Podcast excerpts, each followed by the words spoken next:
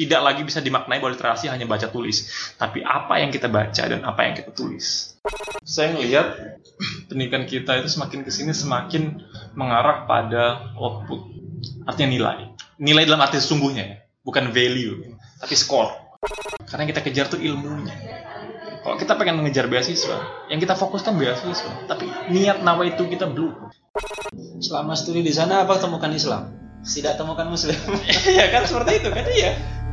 Keingintahuan lebih daripada pengetahuan.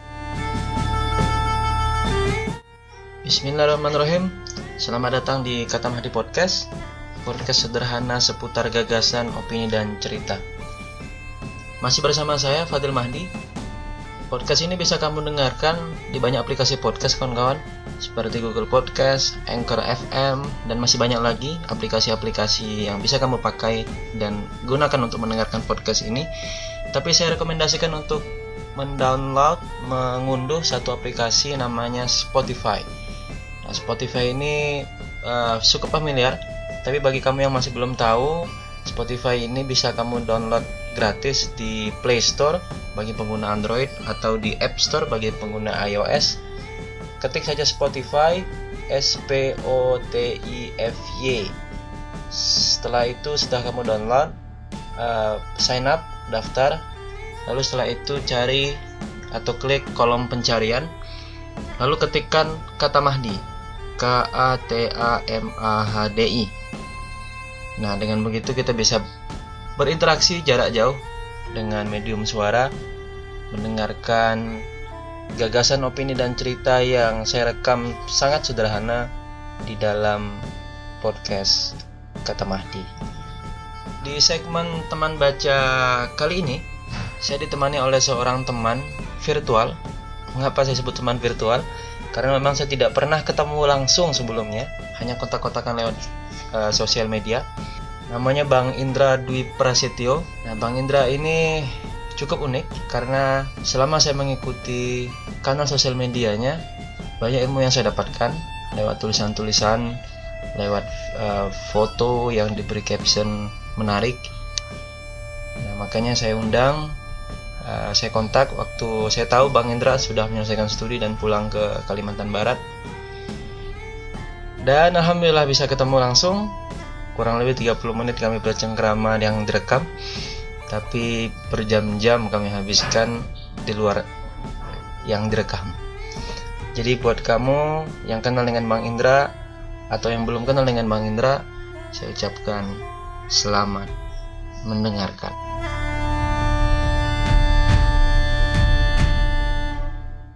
Kata Mandi Podcast kembali lagi masih bersama saya Fadil Kali ini saya bertemu dengan anak Singkawang, uh, budak Melayu bisa dibilang lah ya. Uh, walaupun setelah pulang dari negeri Kanguru, tidak lagi seperti orang Melayu gitu. Jadi kita langsung sapa saja. Ada Bang Indra bersama saya di sini. Halo Bang. Halo. Assalamualaikum. Waalaikumsalam. Sehat Bang ya? Alhamdulillah sehat. Gimana, uh, Adil? Jelek, ya? jelek nih? Enggak. Enggak ya. Saya sehat, alhamdulillah. Walaupun Sibuk. kali ini pertemuan perdana kita. Ya. Offline tapi. Offline. Nah, kalau online sudah dibangun sejak dua tahun yang lalu menurut data Facebook. Menurut data Facebook ya. Iya. Karena Facebook uh, lebih kuat pengingat daripada kita ternyata. Uh. Jadi kali ini kawan-kawan kita akan bahas tentang banyak hal. Uh, yang jelas nanti Bang Indra akan melemparkan banyak gagasan dan uh, obrolan ini mudah-mudahan bisa manfaat bagi kita semua ya. Mudah-mudahan. Kita mulai dari perkenalan. Ya. Gimana? Mungkin Bang Indra bisa menjelaskan siapa seorang Indra Prasetyo, betul? Ya? Indra Dwi Prasetyo. Indra Dwi Prasetyo. Ya. ya siapa siapa seorang Indra Dwi Prasetyo gitu? Apa ya? Um, saya Indra, lahir di kota Singkawang, Kalimantan Barat. Um, studi S1 pendidikan itu di Pontianak, kemudian aktif di Pontianak, ya besar tumbuh secara pemikiran juga di Pontianak. Itu sih mungkin sekilas tentang saya. Singkat ya? Singkat panjangan nanti selebihnya, saya semua. Selebihnya tinggal lihat di blog, di Instagram, Instagram di Facebook. Facebook nah, yeah. di situ ada digital footprintnya seorang Indra. Tuh. nah, uh, kalau kita melihat kondisi Indonesia hari ini, kita dihadapkan dengan sebuah studi dari UNESCO bahwa Indonesia itu termasuk negara yang illiterate, yang literasinya itu sangat kurang. Uh, terlepas dari studi itu sudah dilakukan beberapa tahun yang lalu dan sudah sangat lama sebetulnya dan sekarang mungkin uh, berubah angkanya apakah naik atau turun saya tidak tahu. Yang jelas uh, tingkat literasinya selalu menjadi topik dan selalu menjadi bahasan di banyak ruang-ruang diskusi. Ya. Nah sampai di tataran pemerintah pun literasi ini selalu menjadi bahan yang hangat untuk menurunkan atau uh, membuat plot-plot anggaran Ya. literasi. Ya. Dan literasi itu selalu dikaitkan dengan uh, buku. Ya. Dan buku nanti turunannya adalah keterbukaan dan keterpahaman, Ya. penyebaran ilmu pengetahuan dan lain segala macam. Nah, bagi Bang Indra, bagaimana melihat literasi di Indonesia saat ini, Bang? Em, pertama s- menurut saya, menurut saya ada ada ada perubahan paradigma antara literasi dulu dengan literasi hari ini. Dulu kita bisa maknai literasi sebagai orang yang mampu baca tulis, ya. Lawan kata illiterate atau illiterasi adalah orang yang tidak bisa baca tulis. Maka wajar kalau program-programnya mengarah pada pendidikan baca tulis. Gitu. Hari ini saya melihat literasi tidak lagi bisa dipandang sebagai baca tulis saja, karena saya pikir angka orang yang bisa baca tulis terus meningkat. Tapi kemudian angka literasi kita katanya di bawah. J- jadi sekarang saya melihat ada perubahan paradigma berpikir tentang makna literasi itu sendiri. Beberapa studi misalkan saya di pendidikan ada namanya PISA, PISA itu untuk melihat literasi tapi diukur dari beberapa aspek nilai. Misalkan pendidikan matematikanya, kemudian ada pelajaran eksaknya dan segala macam. Nah, itulah kemudian diang- di- di- dianggap sebagai literasi. Nah, jadi kalau dinilai dari literasi itu, tentu itu bukan baca tulis. Tentu pemahaman orang, pemahaman siswa-siswi tentang pelajaran, ya kan, yang, di- yang dibandingkan dengan semua semua negara. Dan salah satu tertinggi itu di Singapura readingnya, uh, math-nya itu Singapura tertinggi itu literasi. Nah, jadi silakan berdebat apa itu literasi, tapi menurut saya tidak lagi bisa dimaknai bahwa literasi hanya baca tulis, tapi apa yang kita baca dan apa yang kita tulis. Sementara itu mungkin prolognya. Jadi tingkat keterpahaman berarti ya. Bisa kalau dibilang. boleh kalau Bisa. boleh disimpulkan dari beberapa kata tingkat keterpahaman atau Ya. ketermelekatan seseorang terhadap bahan bacaan yang dia baca. Ya.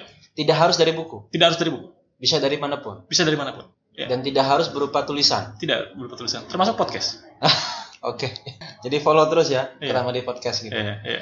Jadi uh, fenomena yang terjadi terus uh, sosial, politik dan segala macam itu bisa dijadikan bahan untuk membaca dalam, dalam konteks literasi. Bisa jadi. Ya, sangat bisa. Jadi saya sepemahaman lah dengan Bang Indra uh, terkait tentang bagaimana kita memahami kata literasi di Ya. konteks abad ke-21 ini ya. Ya. Jadi tingkat keterpahaman dan tingkat ketermelekan. Ya. Nah, terkait bahan-bahan bacaan sendiri. Ya. Karena saya belum baca sebetulnya buku Abang, Ya. Millennialisme. Ya. Tapi sebenarnya itu adalah kumpulan tulisan dari beberapa ba- dari banyak tulisan yang pernah Abang tulis kan? Di, ya. Di baik itu di Facebook, Koran. eh, di koran, lalu di blog. Eh, kalau di blog hampir semua, tidak semua tapi eh, sebagian besar sudah sudah saya baca. Oh, terima kasih. Dan corak pemikirannya beragam ya. Beragam ya. Ada sosial politik, ada politik kebangsaan, ada pendidikan, Iya, ada keagamaan dan Iya. lain segala macam. Iya.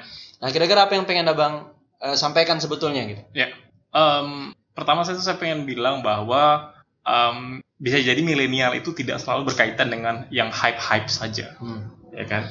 Bahwa milenial tidak harus berkaitan dengan misalkan pakai sneakers model terbaru atau jaket model terbaru atau apalah yang trending-trending gitu.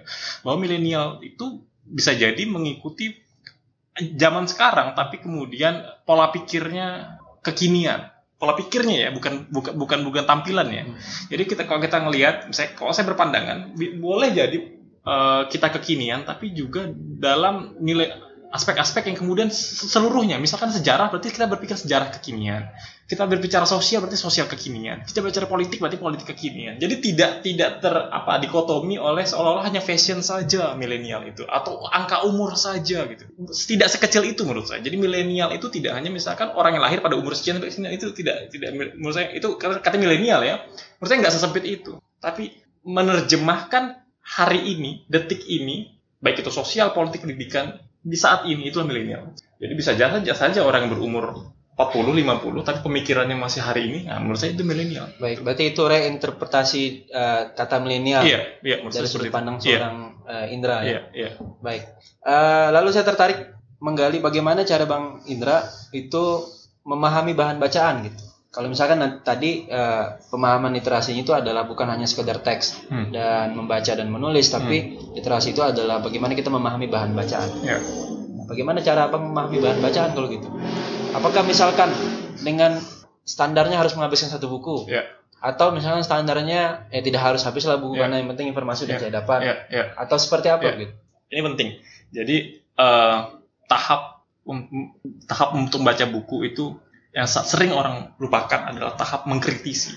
Jadi orang membaca buku karena ingin menikmati. Kebanyakan dari saya membaca buku untuk mengkritisi. Apa yang bisa saya kritisi?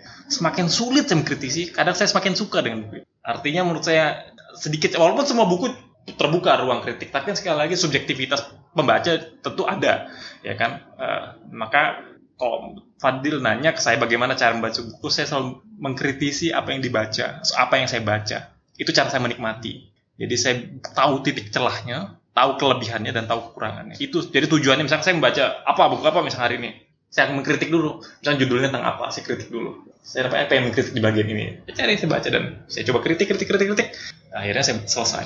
Oke, okay. kritik itu dalam konteks apa? Apakah mengunderestimate dulu bukunya atau mencari celah kekurangan? Mencari celah kekurangan. Dalam bu, tapi bukan dalam teknis ya. Saya agak kurang begitu suka dengan perkara teknis misalkan tanda baca segala macam. Ya walaupun itu penting ya cuman lebih ke narasinya uh, wacana yang dibawa. Misal kita bicara misalkan buku apa yang baru ini saya baca misalkan uh, ah saya baca saya bawa buku Fazlur Rahman misalkan. Salah satu guru guru apa sesepuh kita ya uh, Syafi Marif.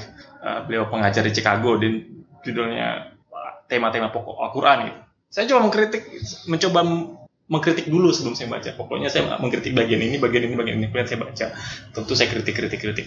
Dengan kritik itu membaca kita lebih dalam karena kayak tidak tidak membaca saja, tapi kita mencoba memahami apa sih coba penulis ini sampaikan kok agak nggak make sense, kok agak gini, kok agak gini seperti itu. Jadi coba deh dengan cara mengkritik buku, dengan cara mengkritik buku kalian lebih dalam memahami sebuah tulisan. Berarti ini uh, salah satu tips ya? Ya. Karena biasanya orang akan selalu mengiyakan yeah. ketika tulisan itu berasal dari seseorang yang memang sudah dia kagumi sebelumnya. Yeah. Yeah. Misalkan sudah senang dengan penulis A, yeah. jadi apa pun yang penulis A tulis, yeah. maka itu menjadi benar. Yeah. Nah, padahal itu menyalahi logika berpikir. Jadi karena sesuatu di balik, di balik itu dia membenarkan atau menyalahkan semua hal yang muncul akhirnya kan. Yeah. Literasi itu erat kaitannya dengan pendidikan, Pak. Yeah. Dan studi abang eh, strata yeah. satu pendidikan, yeah, lalu magister juga pendidikan. Yeah. Uh, saya berhadapan dengan magister pendidikan. Nah, bagaimana seorang Mang Indra memandang pendidikan Indonesia saat ini? Wah sekali, saya mau jelaskan dari bidang mana? Dari sudut pandang seorang Mang Indra aja. Duh, dari sudut pandang riset saya deh. Terserah. saya riset tentang multikulturalisme. Riset saya berbicara tentang tentang budaya dan identitas dan bahasa. Tiga itu yang saya coba petak-atik. Saya ngelihat dari sudut pandang multikulturalisme itu sudah semakin dikenalkan kepada siswa-siswi kita. Itu just, apa jelas berbeda dengan buku-buku dulu gitu kan. Buku-buku. Misalkan contoh deh, kalau zaman-zaman kita dulu SD mungkin pada juga mengalami uh, kalau nggak Ani ya Budi gitu ya. Padahal Indonesia hmm. luas banget. Ada namanya yeah. Markus, ada namanya Lukas di Papua, ada namanya macam-macam kan orang Chinese juga. Waktu waktu itu orang Tionghoa belum diakui ya. Tapi sekarang orang Tionghoa udah diakui ya. Apakah kemudian multikulturalisme itu tercangkum dalam buku hari ini? Dan riset saya bilang iya tercangkum walaupun tercakup walaupun tidak begitu luas tapi ada upaya. Jadi kalau ditanya bagaimana pendidikan kita, saya mungkin bisa jawab sedikit saya bagian itu saja. Gitu. Kalau mau detail lebih besar mungkin akan panjang karena banyak sekali aspeknya. kita dosa bicara soal teknis lah, misalnya yeah. kayak teknis itu kan misalkan kayak yeah. eh tadi buku, yeah. lalu uh, kurikulum, yeah. lalu guru dan segala macam. Yeah. Mungkin uh, kita bicara tentang filosofis gitu atau uh, landasan berpikir yeah. orang yang yang mengambil kebijakan di bidang pendidikan. Yeah uh, memandang bagaimana pendidikan di Indonesia ini harus dijalankan. Saya melihat pendidikan kita itu semakin ke sini semakin mengarah pada output, artinya nilai. Nilai dalam arti sesungguhnya ya, bukan value, tapi skor. Ya, jadi pendidikan hari ini betul-betul diarahkan pada skor.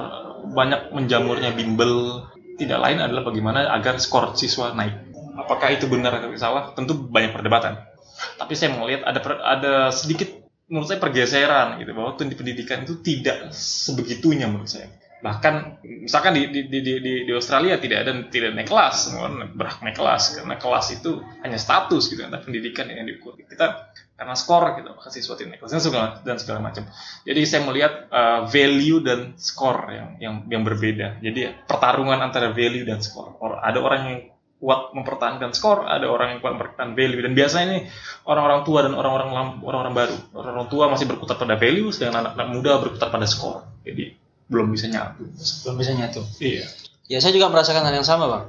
Saya sempat melontarkan tesis ke beberapa orang kalau bimbel itu adalah uh, bukti kalau sekolah tidak selesai mendidik siswa. Ya. Karena mengapa harus ada bimbel Ya. yang di luar jam tambahan sekolah, Ya. bayar pula dan bahkan lebih mahal daripada sekolahnya dan itu yang diulang yang diulang yang diajarkan itu juga pelajaran yang di sekolah. Ya. Nah, berarti sekolah itu tidak selesai mendidik Ya. anak-anaknya sehingga Ya. anak-anaknya harus mencari tempat belajar yang Ya. lain. Itu tesis yang pertama. Tesis yang kedua saya bilang kalau misalkan bimbel-bimbel itu uh, menjamur dan banyak diminati oleh uh, apa orang-orang tua, Ya. orang tua siswa, mengapa enggak mereka berubah menjadi sekolah? Ya. Ambil contoh lah, misalnya salah satu bimbel yang paling terkenal di Indonesia yang sudah menyamur di banyak tempat di Indonesia. Uh, berpusat di salah satu kota pelajar pula kan di Indonesia. Nah, mengapa dia tidak berubah aja, tidak berubah Ya. uh, uh, fungsi menjadi sekolah aja kan? Itu saya yakin pasti sekolah unggul karena skor, karena dia berhasil mencetak skor. Skornya tinggi-tinggi yang lulusan dari situ. Dosa ikut sekolah, maksudnya tidak dosa dosa buat bimbel gitu buat sekolah. Ya. Lebih untung kali ya. Ya. Ya, saya tidak pada kondisi membenarkan dan menyalahkan ya kan. Itu itu rasional yang saya pikir eh, semua orang berhak melakukan hal tersebut. Ya. Misalkan saya lebih cenderung misalkan menyebutnya after school class misalkan. Karena after school class bukan bukan bimbingan belajar, tapi misalkan orang-orang misalkan kalau kita kenal ekskul lah, ya kan kita juga Hmm. dulu punya ekskul, after school activity ya, ekskul kita belajar pramuka. Well, saya sepakat. Saya tidak sepenuhnya tidak sepakat pada bimbel. Karena ada anak-anak yang kemudian cara belajarnya tidak tidak secepat teman-teman yang lain. Dan dia butuh bimbingan ya kan? Dan saya, ya makanya saya tidak bisa membenarkan menyalahkan. Tapi tapi yang jelas ada pertarungan antara skor dan value. Kalau teman-teman misalkan yang ikut bimbel kemudian tapi berkutatnya pada value misalkan. Saya pikir wah, fine ya kan? Bahwa dia pengen dia pengen belajar lebih dalam menguasai dia ber- bertemu dengan teman-temannya tidak menghabiskan waktu di luar yang tidak jelas. Fine kan? Jadi bukan bimbelnya tapi menurut saya ya tapi orientasi berpikirnya saja. Kita Lalu begini, soal value saya sepakat. Karena eh, saya pernah baca buku kajian belajar dari Mr. Yun, walaupun dia alumni ekonomi, tapi dia punya concern yang sangat eh, tinggi terhadap dunia pendidikan. Makanya dia buat buku namanya kajian belajar. Hmm. Di situ mengupas tentang eh, pertarungan itu tadi antara Ya. skor dengan value. ya, ya. Nah sebetulnya dalam dunia pendidikan sendiri ada nggak sih instrumen yang dipakai di dunia di negara mana pun lah itu misalkan di Australia karena abang studi S2 di Australia jadi bisa banyak menyebutkan contoh yang itu tuh bisa mengukur value gitu loh karena saya melihat pemerintah saat ini yang mengambil kebijakan saat ini mereka sedang mencari formulasi itu sebetulnya. Jadi bagaimana caranya mereka bisa mengukur? Karena ukuran ini kan tidak sembarangan. Harus dikuantitatifkan begitu. Walaupun dia kualitatif tapi harus dikuantitatifkan supaya bisa mengambil kebijakan yang tepat. Sepakat. Tapi sampai saat ini saya masih belum bisa melihat keberhasilan dari pemang- pemangku kebijakan bagaimana mereka bisa menilai value itu dengan tepat gitu. Ya. Akhirnya kebijakan-kebijakan mereka ya itu tarik ulur, tarik ulur Ya. gitu kan. Ya. Dan itu mengorbankan banyak siswa dan guru di Indonesia gitu. Ya. Sebenarnya di pendidikan sendiri ada nggak sih alat ukur atau instrumen gitu untuk bisa mengukur value gitu. Eh, value ada banyak hal ya misalkan pemahaman itu value ya tapi skor bukan pemahaman beda ya jadi misalnya gini ada eh, ada ada seorang guru ustadz kiai yang kemudian mendidik santri. Kalau santrinya nggak paham ya nggak lulus. Paham kata kunci tapi kalau kita berkutat pada skor cara mendapatkan skor bermacam-macam ya kan? Bisa mencontek. Jadi kalau kita hanya melihat skor saja maksud saya adalah tapi tidak mengin- tidak mengindahkan pemahaman itu berbahaya maksud saya. Itu menurut saya bukan berarti skor itu juga salah. Skor adalah salah satu apa var- variabel atau cara yang digunakan untuk mengukur tingkat kepemahaman. Walaupun cara mengukur banyak gitu loh. Nah, tapi value pemahamannya itu yang mau kita ambil bukan skor gitu loh. Kalau semata-mata skor ya misalkan ujian tapi kita dengan mencontek ya itu sudah selesai. Tapi kan nggak seperti itu. Kalau misalkan kita dulu ulang-ulangnya dulu kan murid-muridnya ya, pemahamannya itu nilai hafalannya apa segala macam gitu loh maksud saya. Berarti narasi yang dibangun selama ini itu yang yang keliru gitu. ya Maksudnya begini, misalkan ya, sekarang tren nih, kampus-kampus itu memasukkan akreditasi, maksudnya skor akreditasi itu ke dalam promosi kampus. Misalkan uh, kampus A, akreditasi A, silakan mendaftar. Kampus B, akreditasi B, silakan mendaftar. Dan menurut saya, kalau misalnya kita pakai pola pikir dan itu saya setuju. Uh, ini narasi sebetulnya keliru gitu. Seharusnya kampus itu tidak memasukkan itu karena nanti akan tercitrakan bahwa kampus ini mengejar skor karena ABC itu kan skor. Nah, A sebetulnya adalah dia sudah memiliki infrastruktur yang yang yang yeah. memadai dan segala macam kan. Yeah. Dan itu terjadi di sekolah-sekolah dan ketika misalkan guru atau kepala sekolah atau pengambil kebijakan itu membuat uh, reward untuk mereka-mereka yang dapat skor tinggi. Lalu mereka uh, orang-orang tua yang mendorong anak-anaknya untuk kejar ranking satu, kejar ranking dan segala macam gitu, menjadi yang terbaik dari dari segi skor.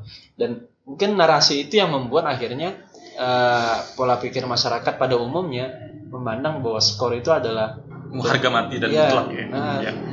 final gitu final. kan nah ya. final itu menjadi standar ukur yang ya, final ya, gitu ya, sepakat padahal misalnya kalau mahasiswa kan pakai nilai A B C D ya. nah kalau misalkan didapat A berarti asumsinya dia memahami seluruh materi yang ya, diberikan ya, kalau dapat B berarti memahami dengan baik ya. C memahami dengan cukup ya Nah, narasi-narasi itu sebetulnya berarti ya, yeah. yang keliru yeah. disampaikan oleh para pemangku kebijakan yeah, ya. Yeah. Menurut saya seperti itu. Ada ada pergeseran paradigma di situ bahwa bukan seolah-olah angka ini, tapi juga pemahaman. Jadi bisa jadi bisa jadi instrumennya saja yang berubah. Misalkan dulu instrumen yang dulu kita pilihan ganda, misalnya kita jadi wawancara misalnya ujiannya. Bisa jadi kan? Iya kan? Iya juga ya. Iya. Jadi bukan hanya bukan semata-mata skornya, tapi instrumen menilainya gitu. Karena emang instrumen menilai yang seperti itu paling cepat dan paling efektif gitu kan. Ketimbang dulu misalkan, oh dulu kita ada misalkan anak santri ngetes hafalan kan lama, ujian nasional semua kayak gitu kan lama. Atau tes ujian nasional geografi satu orang 30 menit ngetes kan lama. Jadi cara paling efektif dan serentak ya emang emang ujian nasional misalnya. Saya pikir ya instrumennya saja yang harus kita benahi agar kemudian tidak terpaku pada paradigma bahwa pendidikan hanya semata-mata skor. Ya, saya berharap uh, pendidikan anak cucu kita nanti demikian. Iya. Ya. Jadi ujiannya pakai oral kan. Dan itu bisa terjadi ketika jumlah guru itu standar ya bang ya. Maksudnya kan memang kita di Undang-Undang Pendidikan Nasional ada ada rasio guru satu guru itu mengcover sekian banyak siswa dan di banyak sekolah uh, tidak terjadi kan. Ya, ya, ya, Justru satu guru itu overload gitu, ya. kebanyakan siswa yang diajar sehingga ya itu tadi uh, instrumen ini akhirnya tidak tidak berfungsi dengan baik gitu kan. Ya. Ya betul. Banyak faktor. Banyak faktor ya, ya. yang jelas pendidikan Indonesia saat ini sudah berhasil lah ya. Berhasil dalam artian uh, banyak lulusan-lulusan Indonesia ya. itu yang bisa berbuat untuk bangsanya. Ya. Ya. Ya. Dan kayak Fadil. ya kayak makin ya, juga kan? Sama, kan? Saya belum berbuat apa-apa. Oh. hanya bisa mampu membuat podcast oh. merekam merecord mengedit menyebarkan. Itu udah berbuat sesuatu. Lalu uh, yang menarik uh, studi luar negeri pak kalau yeah. kita bicara soal studi luar negeri di banyak sejarah di Indonesia di di fase-fase sejarah uh, Indonesia itu sebetulnya sudah banyak pelajar-pelajar di Indonesia itu yang sekolah atau kuliah di luar negeri yeah.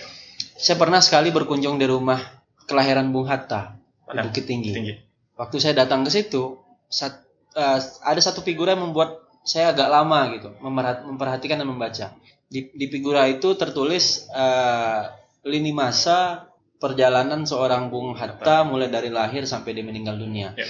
Dan mata saya terhenti di, di bagian ketika dia berumur 19 tahun. Oke, Rotterdam. Dia pergi ke Rotterdam untuk uh, melanjutkan sekolahnya gitu. Dan pulang ke Indonesia itu ketika umur 20-an. Ya. Dan akhirnya belajar ke, ke, ke negeri penjajah. Ya. Pulang ke Indonesia untuk melawan penjajah ya, tanpa dicurigai berlebihan gitu. Ya. ya, dia dia berhasil memainkan peran itu gitu loh. Ya. Oke. Okay. Ya.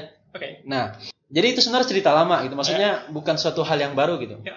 Nah, tapi ketika sekarang uh, terutama di umur-umur saya ini kan ya. uh, uh, berapa ketika nih? 24 ya. 24 pokok umur 20-an ketika menyelesaikan SMA ya. lalu lanjut ke sarjana uh, strata 1 studi luar negeri itu menjadi seksi gitu Ya. Menjadi seksi dan muncul fenomena uh, saya tidak dalam posisi menyalahkan atau membenarkan, ya. tapi ini menarik untuk diangkat. Ya muncul fenomena bahwa studi luar negeri itu menjadi sebuah uh, tujuan yang sangat diburu oleh banyak yeah. anak di Indonesia. Yeah. Mungkin karena perbedaan uh, tempat atau banyak tempat yang mungkin bisa dikunjungi ketika kita ke luar negeri, yeah. dibiayai negara pula gitu atau yeah. dibiayai oleh uh, negara yang bersangkutan. Yeah. Uh, nah sebagai pelaku nih, yeah. bagaimana bang menanggapi hal yang ini fenomena ini gitu. Pribadi saya ngeliat belajar di luar negeri tidak salah ya kan? Eh, bahkan ulama-ulama kita dulu juga belajar di luar negeri. Eh, pendiri NU pendiri Muhammadiyah belajar di Mekah. Luar negeri juga kan? Iya. jarang orang kita kita ngeliatnya luar negeri itu hanya negara-negara barat gitu padahal mereka juga di luar negeri. Tidak ada yang salah dengan studi luar negeri. Justru eh, kemudian menyempitkan pikiran untuk bilang bahwa eh, studi luar negeri tidak nasionalis atau itu itu yang kemudian ada perdebatan. Saya saya tidak setuju jadi studi di mana pun tidak masalah. Hari ini kemudian dengan akses yang luas beasiswa yang banyak dan orang beramai-ramai ke luar negeri that's good. Menandakan bahwa Indonesia juga punya kapasitas yang sama dengan di luar teman-teman di luar negeri bahwa tidak tidak seperti orang kita berpikir dulu lah bahwa orang luar negeri itu selalu lebih baik gitu kan. Inlander kalau bahasanya Hmm. Pram itu kan. Hari ini kan kita melihat bahwa sebenarnya enggak kok. Jadi sebenarnya enggak ada yang salah sih fine fine saja menurut saya selama kemudian studinya baik udah fine enggak ada yang salah lalu muncul juga fenomena lain Bang. mahasiswa yang studi di luar negeri itu Iya. bukan mengambil kesempatan ya mungkin mumpung nih ya ya mumpung studi di luar negeri ya lalu menjadi pusat pertanyaan orang Ya. bagaimana caranya bisa ke luar negeri gitu. tips beasiswa. dan Ya. triknya seperti apa dan Ya. segala macam bagaimana bang melihat sekali lagi tidak ada yang salah karena mereka yang keluar negeri pasti mereka sudah melalui proses-proses tersebut dan kemudian berhak untuk menyebarkan bagaimana caranya. Tapi saya pribadi tidak pada posisi itu. Saya ada ada satu tulisan di blog saya mungkin kalau Adil juga pernah baca jangan per- jangan mencari beasiswa atau jangan mengejar beasiswa. Karena menurut saya itu bias sekali kalau kita mengejar beasiswa. Karena kita kejar tuh ilmunya. Kalau kita pengen mengejar beasiswa, yang kita fokuskan beasiswa, tapi niat nawa itu kita belum. Bisa jadi niat mengejar beasiswa banyak karena negaranya cantik, keren, bisa instagramable segala macam. Itu kalau niatnya mengejar beasiswa. Tapi kalau niat mencari ilmu, di mana saja bisa. Allah itu kan menjadikan bumi dengan hamparan ilmu ya. ya. Jadi itu yang makanya saya bilang tulisannya jangan mengejar beasiswa tapi kejarlah ilmu. Kalau kita mengejar dunia kan, sampai kapan pun nggak akan bisa selesai. Tapi kalau kita mengejar ilmu dengan tujuan ibadah, maka Allah akan memudahkan cara kita mencapai ilmu. Jadi saya itu yang saya wanti-wanti kenapa saya tidak membuat program-program atau segmen-segmen yang seperti itu karena saya takut orang yang mendengarkan terjebak dalam kesalahan berpikir semacam itu. ya kesalahan berpikir Iya. saya sepakat dengan kata Bukan mengejar beasiswa tapi kejar ilmu. Kalau kejar ilmu banyak cara. Tapi kalau mengejar beasiswa, ya kalau nggak dapat ya sedih jadi. jadi kalau ada rekan-rekan yang mau misalkan studi di luar negeri langsung saja datangi yang bersangkutan gitu ya tanya bagaimana misalkan atau minta arahan lah istilahnya minta jadi kan minta mentor atau dan segala macam gitu Pengen cari ilmu bukan bukan studi luar negeri. ya maksudnya begitu Iya. ya dia dia pengen eh, Cari ilmu Cari dan ilmu. ada di luar negeri. ada di luar negeri gitu kan Beasiswa hanya salah satu cara untuk ke sana. Hmm. Ada banyak cara. Di luar negeri ada berhutang, bisa berhutang loan, student loan. Jadi eh, setelah dia lulus, uang itu dikembalikan ketika dia bekerja. Banyak cara. Atau misalkan Short teman course. ya teman-teman ya short course juga bisa. Teman-teman saya ada yang kerja dulu di Australia selama setahun, menabung untuk tahun depannya kembali lagi ke sana belajar. Jadi maksud saya banyak jalan menuju Roma, tapi kalau kita hanya menekankan kepada mengejar beasiswa, takut saya terjebak dalam itu. Jadi kalau kita tidak dapat lalu patah semangat untuk belajar. Gitu loh saya. Jadi kalau mengejar ilmu banyak cara, tapi kalau mengejar beasiswa ya satu caranya. Gitu loh saya. apalagi kalau beasiswanya terfokus Terfokus lagi ke di satu Ah, itu satu dia makanya. eh, penyedia beasiswa, gitu ya Jadi kan jadi bias dan blur. Walaupun tidak bisa kita pungkiri ya awal banyak banyak eh, dari kita ya termasuk mungkin Ya. saya juga yang awalnya karena nyari beasiswa itu ya Ya. Dan ketika sudah masuk mungkin mudah-mudahan bisa memperbaiki niatnya gitu Ya. meluruskan dan segala macam Ya. sehingga akhirnya ketika terpilih tidak jumawa Ya. ketika tidak terpilih Dia kecewa. tidak kecewa gitu ya Iya. tentang warisan ulama di Indonesia Oh, aduh. ya karena saya pernah dapat dan pernah baca gitu tulisan-tulisan abang di Instagram di Facebook Facebook lah terutama saya bersyukur abang ngelingkan Instagram ke Facebook karena saya baru aktif pakai Instagram itu per 2019 Agustus Oh, siap. jadi saya punya alasan khusus mengapa 4 sampai 3, 3 sampai 4 tahun tidak Oh, tidak siap. aktif di Instagram dan Menarik, tidak tidak punya akun Menarik, serius Menarik. menarik. tidak punya akun nanti saya bongkar sendiri di Podcast di berikutnya. podcast berikutnya Siap. Menarik, menarik. Antitesis itu. dan saya nggak baca tulisan itu waktu di ya di Facebook kan Eh, karena linknya di Facebook saya lihat di Australia itu sudah banyak orang Indonesia Ya. dan saya lihat juga banyak ormas-ormas Islam di Indonesia yang meluaskan dan melebarkan dakwahnya ke sana Ya. ya kita ambil dua organisasi besar di Ya. Indonesia NU dan Muhammadiyah Ya. dan dua-duanya itu sudah punya pimpinan cabang istimewa di sana gitu dan sudah juga melebur ke masyarakat sekitar gitu. Ya. Nah, dari sudut pandang abang, mungkin kalau saya nanya ke orang yang mungkin belajar di Indonesia biasa karena pasti medan dakwahnya sama kurang Ya, lebih ya, kalau di Indonesia ya, kan. ya, Tapi kalau di luar negeri ya. dengan dengan kultur masyarakat yang hedon, Ya, ya, ya. masyarakat yang individualistik dan Ya. segala macam dan mungkin dia negaranya sendiri tidak liberal liberal ya, Ya. tidak tidak memasukkan instrumen agama sebagai Ya. eh, catatan kependudukan dan segala macam. Nah, bagaimana geliat eh, dakwah hasil dan warisan para ulama itu di negeri Kang Muru gitu? Misalkan kalau setahu saya sependek pengetahuan saya di Muhammadiyah, misalkan ada ada di Melbourne itu bangun sekolah, sudah ada master plan-nya segala macam. Artinya adalah uh, upaya membumikan Islam kalau menjawab kata Quraish Shihab, itu dilakukan dengan cara-cara membumi gitu. Bahwa bumi itu di mana kita berpijak, di situlah bumi. Jadi uh, kultur bukan kita yang memaksakan kita masuk dengan kultur mereka, tapi kita melebur, ya kan? Karena value yang kita angkat, value-nya yang kita angkat di NU juga gitu teman-teman NU juga berdakwah dengan ya teman-teman yang kemudian tidak selamanya muslim. Ya banyak teman-teman saya yang ikut pengajian misalnya di sana yang kemudian non muslim juga ikut. Artinya adalah emang itulah dinamika dan medan yang kita hadapi.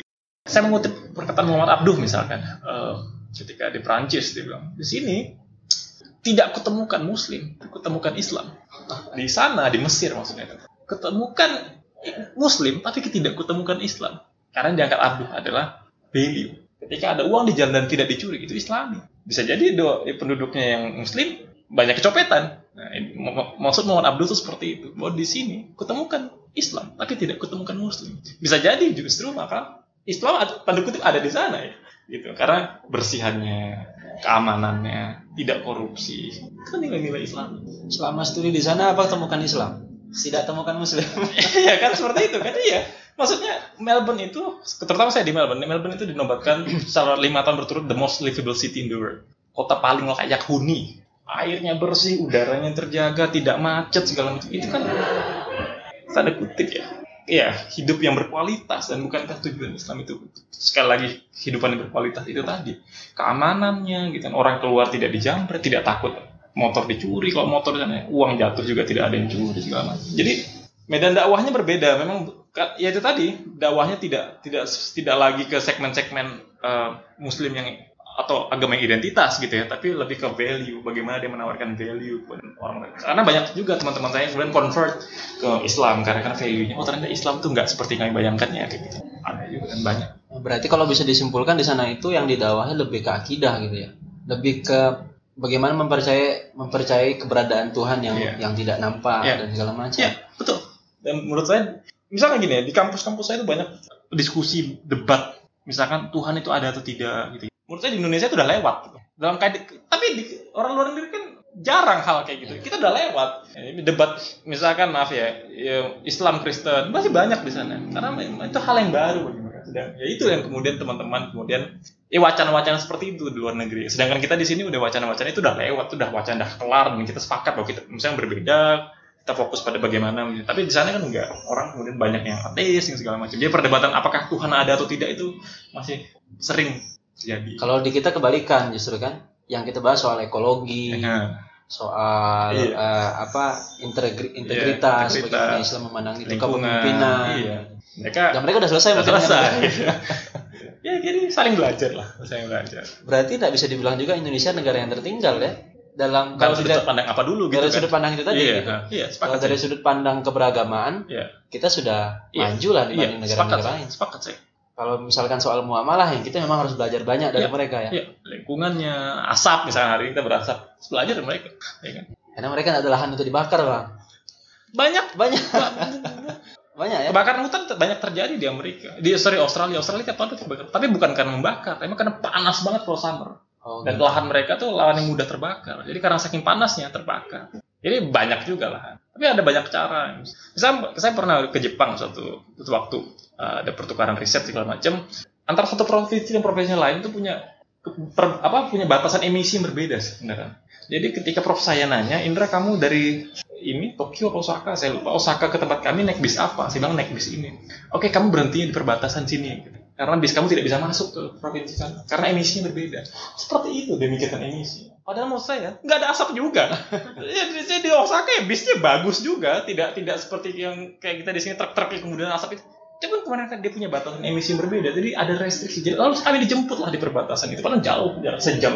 Kami dijemput dengan bis kampus di perbatasan itu. Artinya sekali lagi cara menjaga itu Iya, ya. mereka kemudian- mereka menjaga menjaga Hmm, keseimbangan alam ya. keseimbangan alamnya gitu.